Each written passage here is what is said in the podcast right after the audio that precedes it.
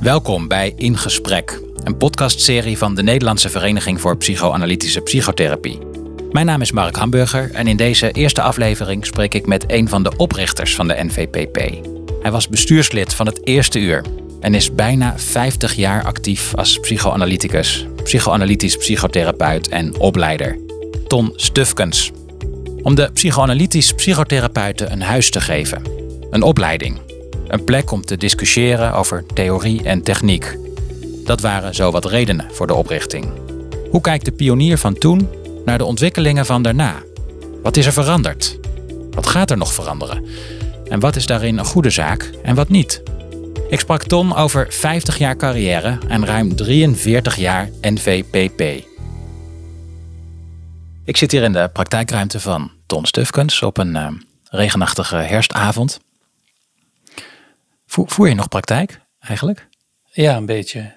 Ik heb nog wat supervisies en uh, ik heb nog mijn oude analysandi, of liever gezegd ex-analysandi, die vaak na 20 of 25 jaar nog eens een keer terugkomen. Omdat ze denken, die man kent mij en ik moet uh, over iets praten wat me bezighoudt. Vaak bijvoorbeeld het overlijden van een partner op zo'n leeftijd nog of andere dingen. Ja. Dus um, ja, een beetje. beetje. Heb je altijd eigenlijk in eigen praktijk gewerkt ook, naast uh, instituutswerkzaamheden? Ja. ja. Vanaf 1973. Dus dat is volgend jaar 50 jaar. Ja. ja. ja. Wat was dat voor tijd, 1973, in, in ons vakgebied? Ja. Ja. Nou, de psychoanalyse had in die tijd in ieder geval uh, meer aanzien dan nu. Uh, het was doorgaans zo in die tijd dat de beste studenten of de beste kandidaten uit bijvoorbeeld de psychiatrie en de psychologieopleidingen, die zochten een psychoanalytische opleiding. Als je iets klinisch wilde doen, dan was de psychoanalyse de aangewezen weg. Ja, ja, er waren natuurlijk wel allerlei andere versies. Gedragstherapie was natuurlijk een jonge lood aan een stam van heel veel modificaties eigenlijk, of andere manieren om te proberen uh, mensen te helpen. Rogeriaanse therapie had je. Je had natuurlijk ook gezinstherapie. Er was er van alles en nog wat in die tijd. Ja. Maar de psychoanalyse stond duidelijk, zeg maar, bovenaan als, als meest solide, uh, ook theoretisch en qua ontwikkelingstheorie, meest solide vorm van psychotherapie. In, in welk jaar was je 17? Moet ik even uitrekenen. Uh, 63. 63. Ik vraag dat omdat ik ergens gelezen heb dat je op je 17e wist dat je analyticus wilde worden. Ja. Ik denk natuurlijk, hoe weet iemand op zijn zeventiende dat? En, en wat heeft hij voor een beeld van de psychoanalytische wereld dan in dat jaar? Niet. Nee? Nee. nee je had geen idee? Nee. Ik heb dat elders ook uh, eerder gezegd. Dus ik had natuurlijk op dat moment geen enkele zicht op hoe de psychoanalyse georganiseerd was, of hoe, hoe, de, hoe de politiek was. Ja, wat ik je, je kan het lezen. Ik had, ik had de biografie van Freud gelezen op die leeftijd. En uh, ik was een serieuze gymnasiast, dus ik had van alles en nog wat gelezen. En het idee uh, toen was, nou die man zegt geen uh, vreemde dingen, alleen ik wil er meer van begrijpen. Ja, Ik heb later ook nog wel met kandidaten gepraat, is ook allemaal gepubliceerd, die precies datzelfde gevoel hadden. Van ik wil daar meer van weten. Ja. Het gaat natuurlijk vaak ook in een meer verborgen zin over de seksualiteit bijvoorbeeld. Maar natuurlijk ook over allerlei dingen die te maken hadden met hoe kan je jezelf begrijpen. Eventueel hoe kan je je ouders begrijpen als adolescent. Dus daar zit van alles en nog wat wat bij elkaar komt. Ja. In een notie van mij op dat moment. Ik was eigenlijk van plan om kunstgeschiedenis te gaan studeren. Ah. Um, wat bij elkaar kwam op dat moment in de zin van, ik denk dat dat uh, het meest compleet bij mij past. Als ik die richting inga. Kunstgeschiedenis? Nee, Psychoanalyse. Want waarom heb je de kunstgeschiedenis opgegeven? Nou, heb ik eigenlijk niet opgegeven. Gewoon niet aan begonnen? Maar niet als studie, nee. Ah. Maar niet als studie. Ja, ja. Dat zijn natuurlijk toch levenslange eh, interesses. Ja, ja, ja. En dan heb je denk ik de kortste en de snelste route gedaan, hè? Want Ja. op je dertigste was het klaar qua opleiding. Ja, Ja, ja. dat was me geadviseerd. Hè? Dus eh, doe dan, dan geen medicijnen en eh, psychiatrie, maar psychologie is korter. Dus ik had op mijn 24ste mijn doctoraal. ja. En ik ben aansluitend in een promotietraject gestapt en onderzoek gaan doen en de, en de analytische opleiding gaan doen. Het Instituut voor Medische Psychotherapie, daar kwam ik te werken. En die hadden een psychotherapieopleiding. Dus daar ben ik in de psychotherapieopleiding gestapt. En aansluitend de analytische opleiding gaan doen. Mhm. En omdat ik in Utrecht gestudeerd had en omdat mijn promotor ook een genootschapslid was en zei, nou dan moet je daar naartoe. Ik was op dat moment op geen enkele manier eh, bezig met hoe is het georganiseerd. Zijn er eventueel meerdere clubs? Mijn insteek in dit vak was natuurlijk niet, eh, zeg maar, ging niet over, ja, dat ging over eventuele wetenschappelijke en als je wil een soort culturele eh, belangstelling voor de psychoanalyse. Mhm. Dat wetenschappelijk onderzoek, ben je daar iets mee blijven doen ook da- daarna, na je promotie? Eh, ja, dat heeft ertoe geleid dat we nog eens een aantal jaren eh, onderzoek zijn gaan doen naar of die, die introdu zogenaamde introductiecursus voor patiënten. Daar promoveerde je op, hè? Ja, met de bedoeling om ze te motiveren voor een behandeling. Eh, of dat ook gebruikt kon worden als diagnostisch instrument. Dus die mensen zaten in een groep. Kon je ze dan observeren en nog wat in doen. Eh, dat is op een gegeven moment een soort verwaterd, omdat de financiën eh, ontbraken. Maar in principe hadden alle INP'en van destijds hadden een, een, een behandelpoot, de kliniek, klinische werk, een opleidingspoot en Ja. een research, die drie samen. Ja. Is met de opheffing van de INP is dat Ja. natuurlijk helemaal alles wat daar in de loop van de jaren is opgebouwd is met één pennenstreek. eh, Tja. Ja. En die psychotherapieopleiding, wat was dat voor Ja. opleiding? dat was eigenlijk een hele brede basispsychotherapieopleiding. Dus dat ging over.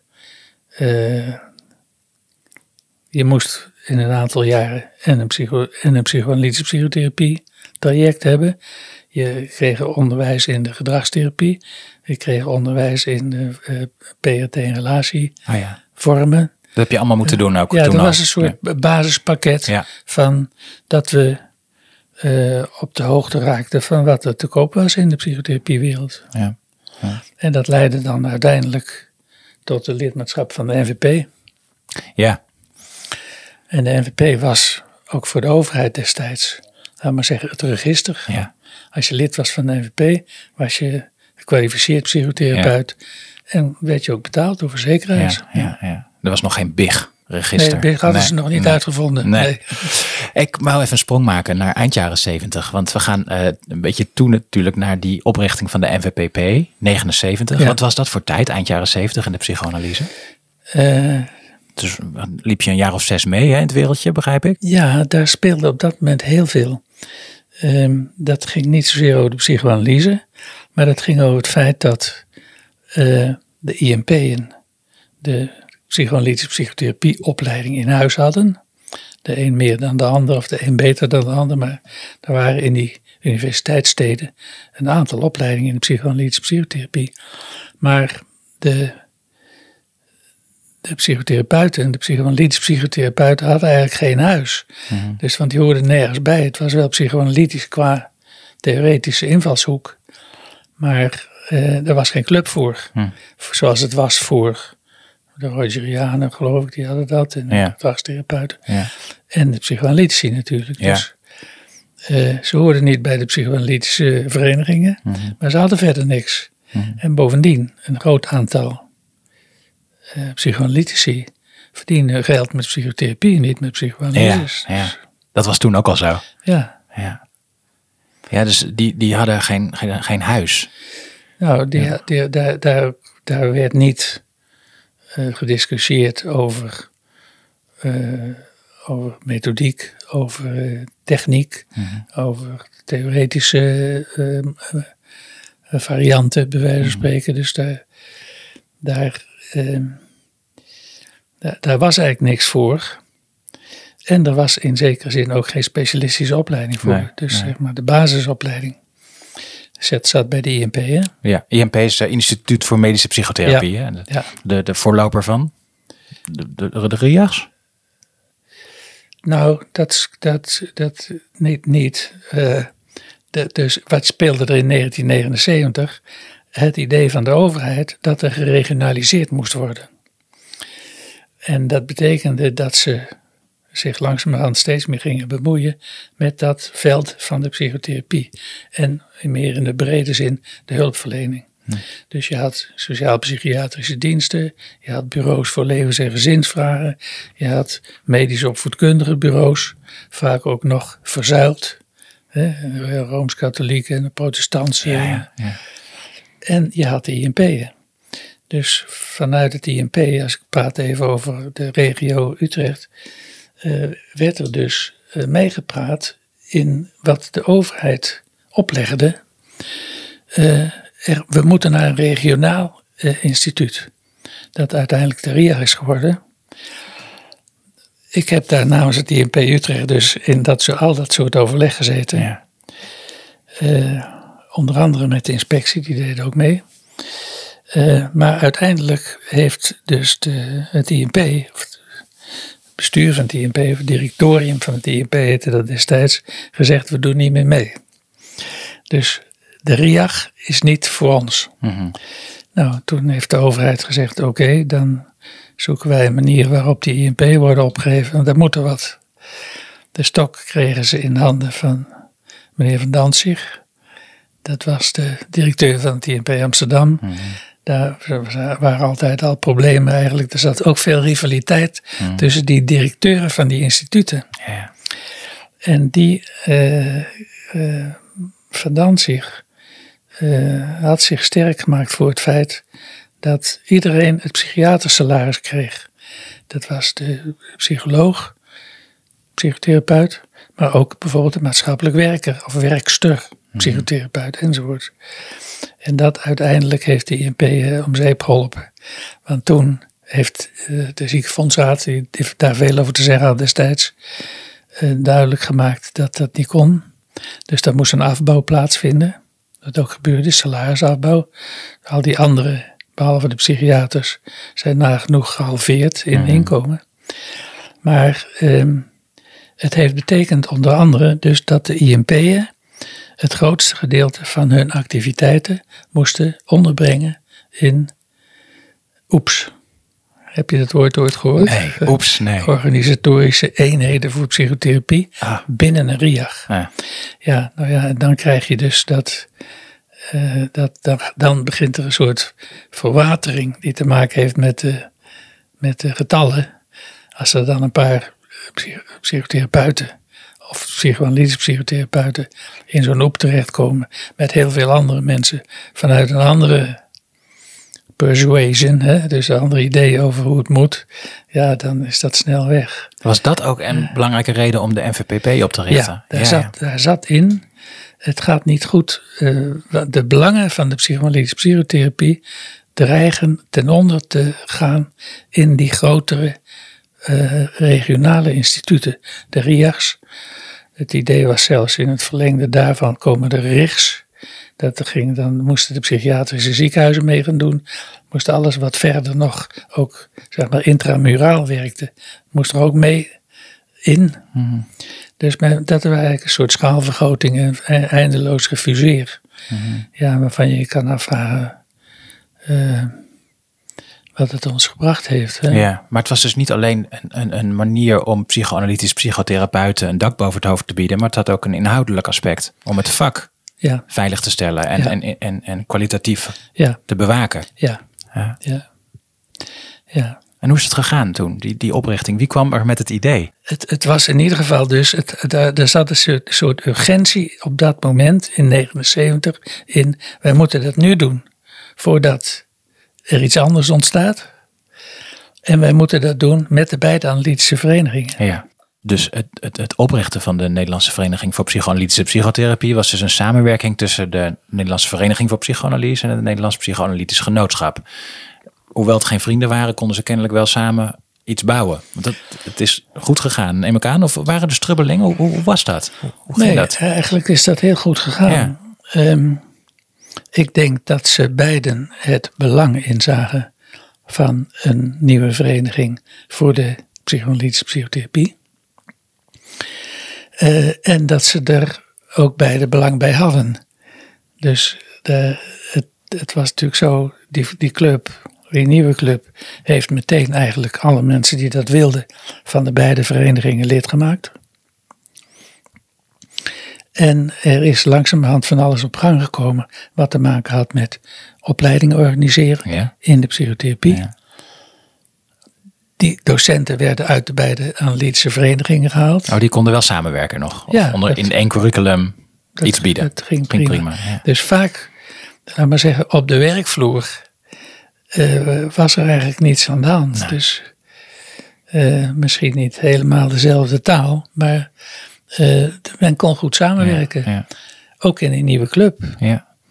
En eh, het, het, het, de animositeit, ja, ik heb dat vaak ook wel eens betiteld als een soort geborneerde narcisme van de kleine verschillen. hè. Dus ja, de groot, het belang van de psychoanalyse werd ondergeschikt gemaakt aan eh, ik weet het en jij weet het niet. Of ik heb gelijk en jij niet, enzovoorts. Hè. Dus ja, ja. daar is veel toch. Daar, men heeft het, grotere belang uit het oog verloren. En misschien is dat deels ook wel een, een mede een oorzaak van het feit dat de psychoanalyse er op dit moment niet zo best Ja. voor staat. We hebben het zelf gedaan. Maar kennelijk was er wel een soort eh, gemeenschappelijk idee over eh, de noodzaak van een psychoanalytische psychotherapievereniging. Daar konden de beide clubs elkaar in vinden. Ja, Ehm, over wie hebben we het? Wie, wie waren de, de grondleggers? Jij was er één van, maar je hebt het niet alleen gedaan. ja. Ik weet niet hoeveel we hebben Kijk, dat is een lijstje. Dat is mooi met de hand geschreven nog. Ja, ja. Henk de Kinkelder was dat. Verenigingslid uit Rotterdam. Poslawski, een hoogleraar in Utrecht. Eh, op dat moment weet ik niet of hij al voorzitter was van het genootschap. Frank Beijaert, ook weer een hoogleraar uit Utrecht. Ik dus sta erop. eh Eddie de Klerk. eh Elsje Kooi, vereniging.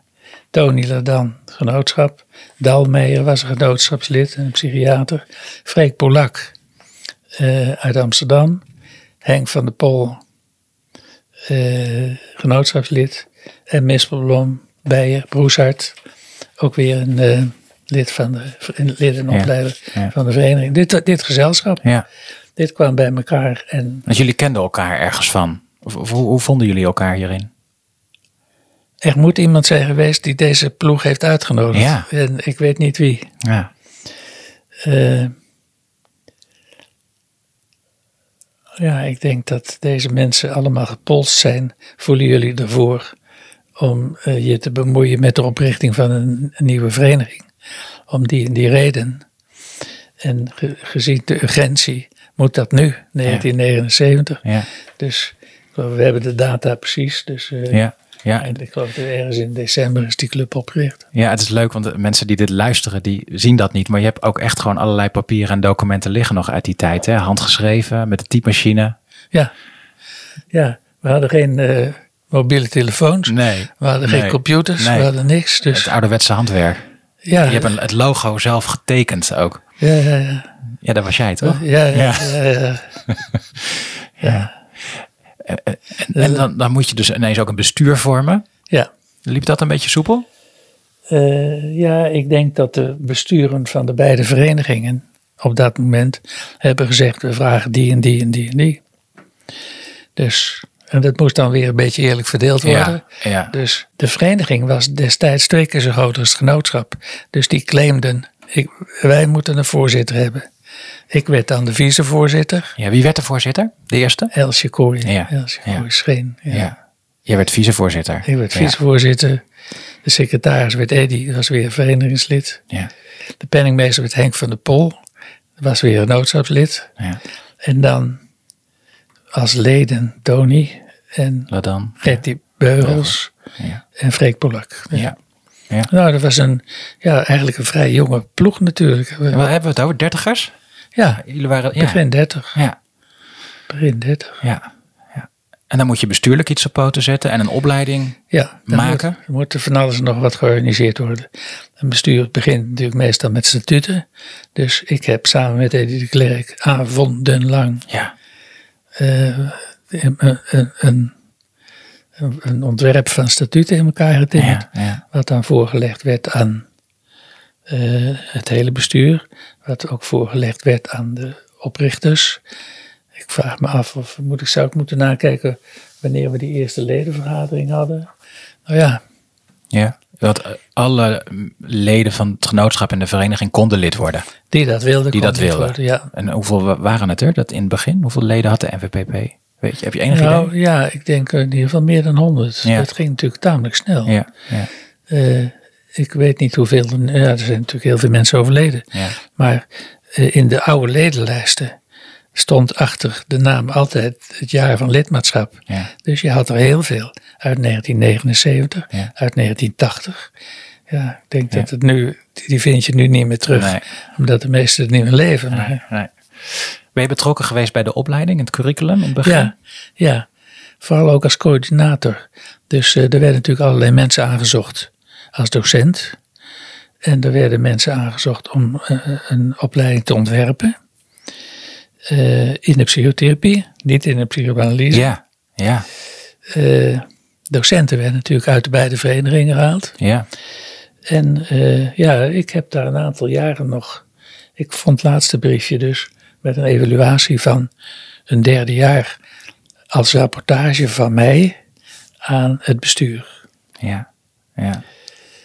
Ja wat, wat, wat je zegt, het, het moest een opleiding worden in de psychotherapie, niet in de psychoanalyse. Dat, Ja. dat, daar klinkt iets in door dat daar mensen ook moeite mee hadden of dat niet gewend waren. Of het was natuurlijk wel iets anders dan wat je gewend was. Ja, nou ja, er ging natuurlijk heel veel over eh, settingskwesties die te maken hadden met wat is nou het verschil tussen liggen op een bank en zitten. Ja, En wat, is, wat heeft te maken met. eh, wat, wat zijn de effecten in zekere zin van iemand wel of niet vis-à-vis ja, eh, eh, tegenover je hebben, vergeleken met een analyse. ja. Dus eigenlijk werden er op dat moment ja, vooral ook mensen uitgenodigd die bereid waren om daarover na te denken en er wat over te zeggen. Ja. En eventueel de bestaande literatuur eh, bestuderen. ja. ja. En het waren dus net als nu, denk ik, hè, psychi- psychiaters en, en basispsychotherapeuten die zich wilden bekwamen in de psychoanalytische psychotherapie. Dat, Ja. dat waren de kandidaten, Ja, neem ik aan. ja, dat waren de kandidaten. Of had ook theologen en sociologen? En, en was, was dat, zat dat er ook tussen? Nou, ik, zie ze niet. Dus eh, Nee. er zat er ze nu en dan misschien wel een, Ja. een tussen. Ik wou zeggen even dwaalde tussen. maar Ja. nee, eh, nee, ik dacht nee. Voornamelijk mensen die serieus vaak na een, de basisopleiding in een IMP ergens Ja. eh, de specialistische psychotherapieopleiding wilden doen. Ja. Ja. Dat hoort ook weer. Er was een club, dus de NVP was eigenlijk een verzameling en van leden, maar ook van specialistische verenigingen. Ja. Dus een van de dingen was, de NVP moet die nieuwe vereniging accepteren als lid aan tafel. Ja. ja. Was er trouwens ook contact met buitenlandse eh, psychoanalytische psychotherapieverenigingen in die tijd? Of waren die er überhaupt? Eh, in de opleidingsperiode, in de oprichtingsperiode eh, eh, weet ik niet dat ze er waren. Later natuurlijk wel. Dus die, de, de NVPP is lid geworden van de European Ja. Federation, Ja, hè, dus ja. EPF.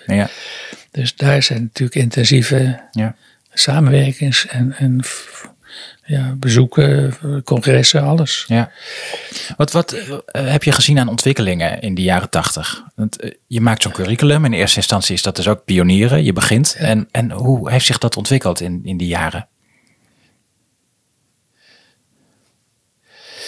Nou, de- dat is nog een beetje een grotere stap. Een van de dingen die ehm, afgesproken waren en ook beargumenteerd werden toen bij de oprichting was, de mensen die die opleiding gaan doen, moeten een, een psychoanalytische ervaring hebben. Dus die moeten voor hun eigen therapie in analyse. Ja. Vijf keer in de week? Vier of Vier, vijf, vier, vier ja. of vijf keer in de Ja. week. Een leeranalyse. bij- ja, Ja. op een gegeven moment, eh, ik dacht toen de club 21 jaar oud was, eh, is er gezegd, ja maar eh, waarom moeten wij nou per se, terwijl we die zelf niet praktiseren, de, de, de, de psychoanalyse versie, waarom moet dat de, het opleidingstraject zijn voor de eigen mensen? Dus is, ligt het niet veel meer voor de hand, en daar was natuurlijk ook van alles voor te zeggen, om, om te concluderen, ja maar iemand die psychoanalytische psychotherapie gaat praktiseren, die moet ervaring hebben in die vorm van therapie. Dus Ja. op dat moment, ik weet niet meer wie toen de voorzitter was van de vereniging, eh, van, de- van de, eh, ja, de FBP, dat die toen zei van ja, maar we- dat gaan we niet meer doen. Dus eh, we, we schaffen de psychoanalyse als verplichte leertherapie voor onze kandidaten, schaffen Ja. we af. En toen mocht er gekozen worden, hè, denk ik, tussen een, een leeranalyse of een leertherapie van, Ja. Denk ik, minstens twee keer in de week toen nog. Ja, Ja. Ik, de, ja, er mocht gekozen worden. En eh, ik heb nog vele jaren, tot tamelijk recent, eh, mensen in analyse gehad. Die niet een analytische opleiding wilden, maar de NVPP-opleiding ja. deden. Maar toch in analyse wilden voor En zichzelf. Wel, ja, Ja, ja. Wel, wel een eigen analytische ervaring wilden hebben. Ja. En ehm, be- begrijpelijkerwijs, ook gezien de huidige omstandigheden, en eigenlijk al vrij snel, al meer dan 25 jaar, dus het gevoel hadden, hoe kan ik ooit mijn geld verdienen met psychoanalyses? Ja. Zeker toen het natuurlijk op een gegeven moment ook eh, qua financiering Ja. Ja. eh, ja. gewipt werd. Hè? Ja. Dus, Om pragmatische redenen dus ook de NVPP verkozen. Ja. Boven een van de twee andere clubs, of later de drie andere clubs. Maar Ja. wel voor zichzelf in analyse Ja. kwamen. Ja. Kan je nou zeggen dat dat dan toch aan te raden is voor NVPP-kandidaten? Of sta je meer aan de kant van dat, dat moet iedereen voor zichzelf uitmaken? Ga in analyse of ga in therapie, maar doe wat goed voelt of wat bij je past. Of- Ik ben geneigd om dat laatste Dat te laatste, zeggen. Dus, zeggen ja. dus dat dan niet opgelegd wordt vanuit een vereniging. Wat, wat dan eh, de, de beste, het beste traject zou zijn voor de eigen therapie. Hè? Ja, ja, ja. Dat is dus één ontwikkeling. Die leeranalyse die was niet meer verplicht. Men kon ook twee keer in de week in analytische therapie. Waren er andere ontwikkelingen vanaf de jaren tachtig die eh, je gezien hebt binnen de NVPP? Naar mijn idee langdurig niet. Dus dat is, eh, als je zegt, ze waren 21. eh, dat was 2000 dus. Hè? Ja, Ja, dat, die, die, die, 2000. ja, dat dat veranderde van de verplichte leeranalyse. ja naar- dat was het jaar ja, 2000. ja, ja, ja. Dus ik denk dat er vanaf dat moment, en je noemde het net eigenlijk ook al, dus dat, die, dat er veel meer ook pragmatisch nagedacht is over, zijn er binnen het psychoanalytische psychotherapie denken andere versies van behandeling mogelijk, die wij ook onder de paraplu van de FPP willen hebben. En eh, dat is natuurlijk graag gebeurd. Dus wat die registers betreft en tot en met het moment dat er, begreep ik laatst, in een vergadering werd gezegd, ja, maar waar is de psychoanalytische psychotherapie gebleven? In zijn min of meer klassieke versie, hè? Eén of twee keer in de week. Misschien zelfs wel drie keer in de week. Ja, Mhm. ja. ja ik, ik vind het pragmatisch. En eh, ik kan me voorstellen dat er in het, de, de roep om niet alleen eventueel snellere, maar ook misschien effectievere eh, behandelmethodes, ook vaak voor specifieke gebieden, bijvoorbeeld traumabehandeling, dat daar gezocht wordt naar, eh, naar meer afgebakende eh, vormen van psychotherapie, waar vaak ook wel, en dat, dat, ja, ik denk dat dat telt op dit moment, eh, een soort eh, evidentie achter zit van allerlei onderzoek wat gedaan is, waaruit blijkt dat dat werkt. Dus dan moet je, denk ik, niet als, als conservatieve vereniging zeggen, dat doen we niet. Te meer niet als blijkt dat er natuurlijk toch wel argumenten zijn om te zeggen, maar dat is eigenlijk ook niet alleen afgeleid, maar dat is ook heel psychoanalytisch om op die manier naar te kijken. Kan je een voorbeeld geven? Waar denk je aan als je dat zegt? Nou, EMDR bijvoorbeeld. oh ja, Ik ben nou net, een, eh, ik weet niet of dat een apart register is, maar volgens mij niet. Nee, nee, het zal wel niet. Nee, Maar er zijn natuurlijk die transverse focus Ja. therapie en van alles en nog Ja. wat. Daar, die wel. ja, dus daar, daar, daar valt van te verdedigen dat het onder de paraplu van de NVBP thuis hoort. En eerlijk gezegd, maar ik weet niet of dat mijn eh, vooringenomenheid is. Er zijn natuurlijk, in alles, als ik terugkijk over mijn hele carrière, allerlei afsplitsingen geweest van wat ik fundamenteel als psychoanalytisch beschouw. Alleen, ze pakken er een bepaald stukje uit. Eh, ik ben in de tachtiger jaren samen met een collega twee weken in San Francisco geweest bij een meneer Horowitz. Dat ging dus over een, een onderzoek naar mensen met een trauma. Kind verloren, kind onder de bus. Die dan twintig zittingen aangeboden kregen. Mhm. Een kortdurende psychoanalytische, psychotype, heel Ja. psychoanalytisch georiënteerd. Ja. Horowitz. Ja, Eh, er is intussen weer van alles en nog wat. Ik ben nu een boekje aan het lezen over dat EMDR. ja, En hoe dat, eh, waar dat eigenlijk ook weer zijn wortels vindt. Ja. Ook in allerlei nieuwe inzichten in eh, hoe het brein werkt. Ja, hè, wat er allemaal wel en niet ook in, in, in, in het geheugen speelt. Dus, ja. Maar je, nou, Horowitz noemde je, dat was ook de tijd dat er al die kortdurende psychodynamische, psychoanalytische psychotherapieën als paddenstoelen uit de grond kwamen, toch? We hadden Malan, we hadden Devon Low, uh, Sifnios. Sifnios hadden we. Eh, allemaal kortdurend, allemaal vocaal. Wat, Ja. wat, wat vond je van die ontwikkelingen in die tijd? Jaren 70, 80 denk ik. het heeft mij nooit eh, aangesproken. Ik ben natuurlijk in zekere zin doorgewinterde analyticus die de tijd wil nemen. Ja, En vindt ook dat het onbewuste de tijd nodig heeft, echt zou je kunnen zeggen. Maar dus dat, dat, dat, dat gejaag achter verandering aan, of het pressen om iemand binnen twintig zittingen ergens toe te krijgen, dat past helemaal niet bij mij. Past het wel bij de NVPP, vind je, als eh, onderdeel, onder die paraplu? Nou, je zou kunnen zeggen, de, het uitgangspunt van destijds was, eh, als het allemaal als theoretische ondergrond de psychoanalyse heeft, of nieuwe ontwikkelingen in de psychoanalyse, waarom dan niet? En wat natuurlijk destijds ook speelde, er zaten analytici bijvoorbeeld in die kinder- en jeugdvereniging. Ja. Er zaten analytici in de relatie- en gezinstherapie-club die dan georganiseerd waren naar, je zou kunnen zeggen, de setting. En niet naar het theoretische model met zijn varianten. Dus ik ben er, en dat was inderdaad ook de, het, het uitgangspunt. eh, we willen op termijn toe naar opleidingstrajecten, waarbij ook vanuit het psychoanalytische gedachtegoed naar de relatie- en de gezinstherapie en naar de kinder- en jeugd eh, openingen zijn binnen de FBP. Ja. Waar, waar ligt de grens? Wanneer kan het niet meer erbij horen? Als je een, een eh, theoretisch model kiest wat je niet meer psychoanalytisch kan noemen.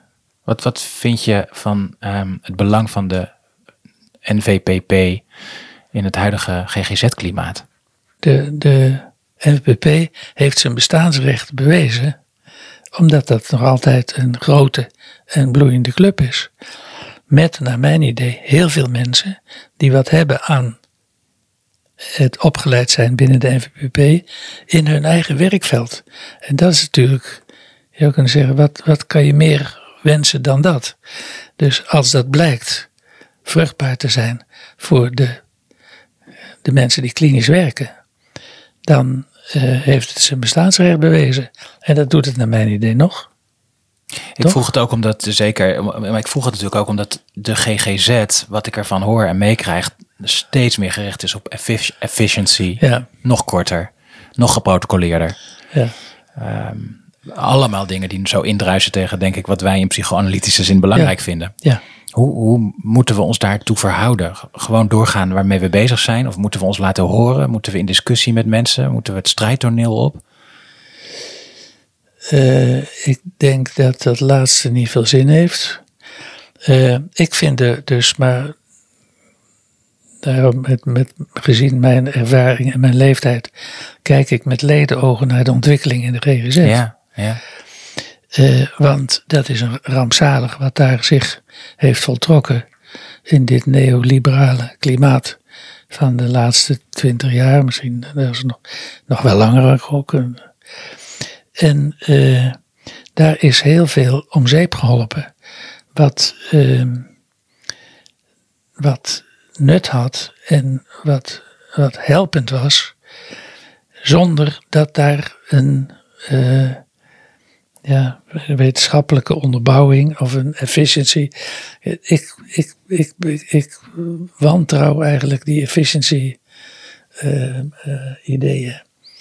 Want je kan er bij wijze van spreken ook van wat je wil. En dan kom je met statistieken en dan met cijfers. En uh, daar is het voortdurend de vraag van, dekt dat de werkelijkheid? Ja. Nou, komen er jonge collega's naar de NVPP die echt geïnteresseerd zijn en het ontzettend leuk vinden om te horen dat je ook anders kan werken dan zij in de GGZ-instelling Ja. moeten doen. Ja. Maar die krijg ik in het onderwijs en die zeggen het is leuk eh, om eens op een hele psychoanalytische manier na te denken over hoe je bijvoorbeeld een eerste gesprek voert. Heel Ja. interessant, maar morgen moet ik weer aan mijn laptop, aan het bureau, vinkjes zetten als mijn patiënt voor me zit. Wat moet ik nou? Ja. Wa- Wat, wat is je advies voor deze jonge, wanhopige collega's? Die mensen die die vinkjes zitten te, te dingen, zeg ik van, dat hoef je toch niet te doen? Het alternatief zou zijn dan dus ontslag nemen en een eigen praktijk beginnen. Ja, waarom niet? Ja, ja, Dat kan. ja. Ja, ik denk dat veel mensen het eng vinden, eh, eigen praktijken, omdat in loondienst zijn een gevoel van zekerheid geeft. Ja, dat is eh, ook een fictie. Ja. Eh, maar daar moet je eh, achter komen. Want eh, in loondienst zijn kan ook betekenen, eh, je wordt op straat gezet.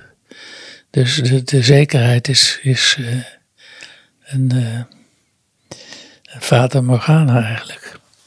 En ik snap wel dat angst om helemaal afhankelijk te zijn van een eigen praktijk. Ja, dat is reëel. Dat is een reële angst. Dan ben je afhankelijk van verwijzingen. Je bent afhankelijk van collega's. Je bent afhankelijk van eventueel mensen die het zelf kunnen betalen. Hoewel je natuurlijk nu contracten kan krijgen met verzekeraars. Psychotherapie wordt Maar vergoed. dan nog, ja. Ja. Maar dan nog. Ja. Dus dan heb je weer een andere afhankelijkheid in Ja. feite. Ja. En dan gaat de verzekeraar dicteren. Ja, Eh, wat dat je moet risico doen. is er, ja. Ja. ja. Wat, wat zie je aan toekomst voor de NVPP? Zijn er ontwikkelingen waarvan je hoopt dat ze doorgaan? Of zijn er ontwikkelingen die je vreest dat ze doorgaan? Waar, waar, waar staat zo'n vereniging in je fantasie over een jaar of twintig? Eh, eh, ik- dat is eigenlijk een vraag waar ik me nooit, eh, nooit bij, waar ik eigenlijk nooit bij heb stilgestaan. Ja, dat geldt natuurlijk voor de analytische vereniging idem dito. Van hoe ziet het er over twintig jaar uit? Ja. Ik geloof dat 30 jaar geleden ook al werd gezegd dat we over 10 jaar niet meer zouden bestaan. Ja, En we bestaan nog en er komen ook steeds weer jonge mensen die zich aanmelden voor Ja. de opleiding. ja ook, ook van de analytische vereniging. Ja, ja. Ja. ja, dus dat is eigenlijk koffiedik kijken.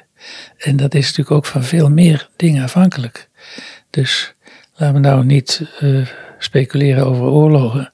Maar de Tweede Wereldoorlog heeft natuurlijk niet betekend dat de psychoanalyse verdween. Alleen, het is onder ons gegaan. En eh, na afloop eh, kwamen ze weer tevoorschijn. Dus Misschien zal het wel nooit verdwijnen. En nou, in ieder geval verdwijnt natuurlijk nooit, laten we maar zeggen, de reflectie op het eigen leven. Ja, ik denk dus, dat is, daar is ook van alles over geschreven. Dus de introspectie op zich en het stilstaan bij wie ben ik op je eentje is onvoldoende om door te dringen in eh, wie je werkelijk bent, want daar heb je iemand anders voor nodig. En of het nou een psychoanalyticus is in een bank eh, setting of een psychotherapeut in een vis-à-vis setting, maakt dan niet zoveel verschil. Maar die behoefte zal bestaan. Ja, en de, ja, ook, ook eventueel los van de directe eh, noodzaak. Hè? Dus, Mhm, mhm. Ja. Ja, ja, ja, ook als je, ja, ik bedoel, als je niet lijdt aan ernstige vormen van psychopathologie, zal die Ja. behoefte blijven bestaan. ja, ja. ja. Wat, wat ga je zelf voornamelijk doen als je helemaal geen praktijk meer voert straks? Ook dat weet ik niet. Nee? Nee, ik ga Iets doen, met kunstgeschiedenis? Ik ga doen wat de dag mij te doen geeft. De vraag is natuurlijk wel, eh, wanneer houdt het helemaal op? Dat weet ik niet. Hm. Dus ik, ik wil voorkomen dat, eh, dat ik dood eh, in mijn stoel gevonden word door iemand die bij mij om hulp eh, kwam. Op tijd stoppen. Ja, Ja. nou ja, dat ben ik natuurlijk eigenlijk al aan het doen. Ja, ja. Dus eh, het voordeel is van een eigen praktijk dat je geleidelijk naar eigen inzicht kan afbouwen. En dat ik hoop dat er tijdig tegen mij wordt gezegd: eh, U wordt een beetje doof, geloof ik. Of eh, u snapt het niet helemaal meer. Ja, dan is het eigenlijk al te laat. ja. Dus- dat wil je voor zijn. Ja, ik, Ja. ik zeg tegen de mensen met wie ik nu in gesprek ben. Als ik niet meer de kwaliteit kan leveren waar je me voor betaalt en die ik gewend ben om te leveren, dan moet ik stoppen. En dan komt er een Ben je- dag. Ben je het daarmee eens? Ja, ja, ja. Dan komt er een dag, stel ik me dan zo voor, dat je laatste patiënt hier de deur uitloopt. Ja. Ja.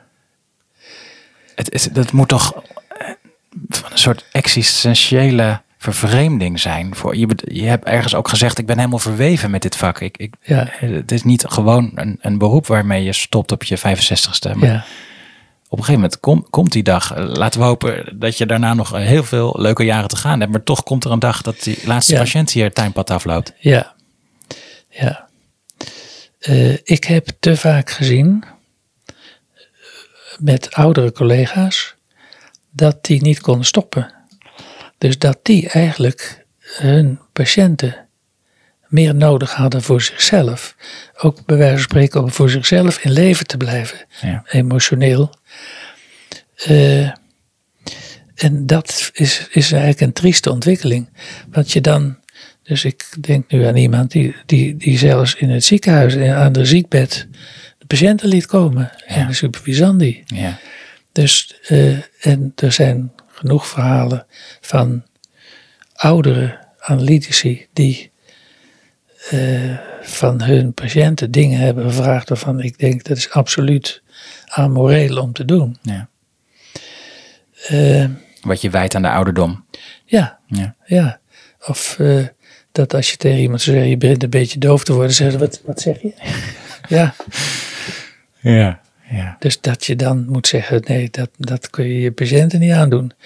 Dus op het moment waarop, waarop jij je patiënten meer nodig hebt dan je patiënten jou, eh, is, het, is het einde daar. Ja. ja. En dan kan je zeggen, ja, analyticus worden en analyticus zijn blijf je natuurlijk altijd. Maar ja, dan zonder patiënten. Ja, dan zonder patiënten. Ja. Ja. En ja, er zijn toch nog genoeg andere leuke dingen te doen. Ja, misschien uh, kunstgeschiedenis. Nou, kunstgeschiedenis studeren hoef ik niet. Dat heb ik mijn hele leven ook gedaan. Ja. Toch? Ja. Eh, of een beetje, knutselen, een beetje schilderen, een beetje eh, leuke dingen doen. Er is genoeg leuks te doen. Reizen, musea. ja. Dankjewel. Ja, ik heb het leuk gevonden om met je te praten. Insgelijks. Vanuit Beeldhoven was dit de allereerste aflevering van In Gesprek, de podcastserie van de NVPP. Volgende maand dan ga ik naar Amsterdam en spreek ik met collega Kobi Groenendijk over privacy, over de maatschappij, over armoede en politiek en over wat wij psychoanalytisch psychotherapeuten hiermee kunnen. Of zelfs misschien wel moeten. Graag tot dan en voor nu bedankt voor het luisteren.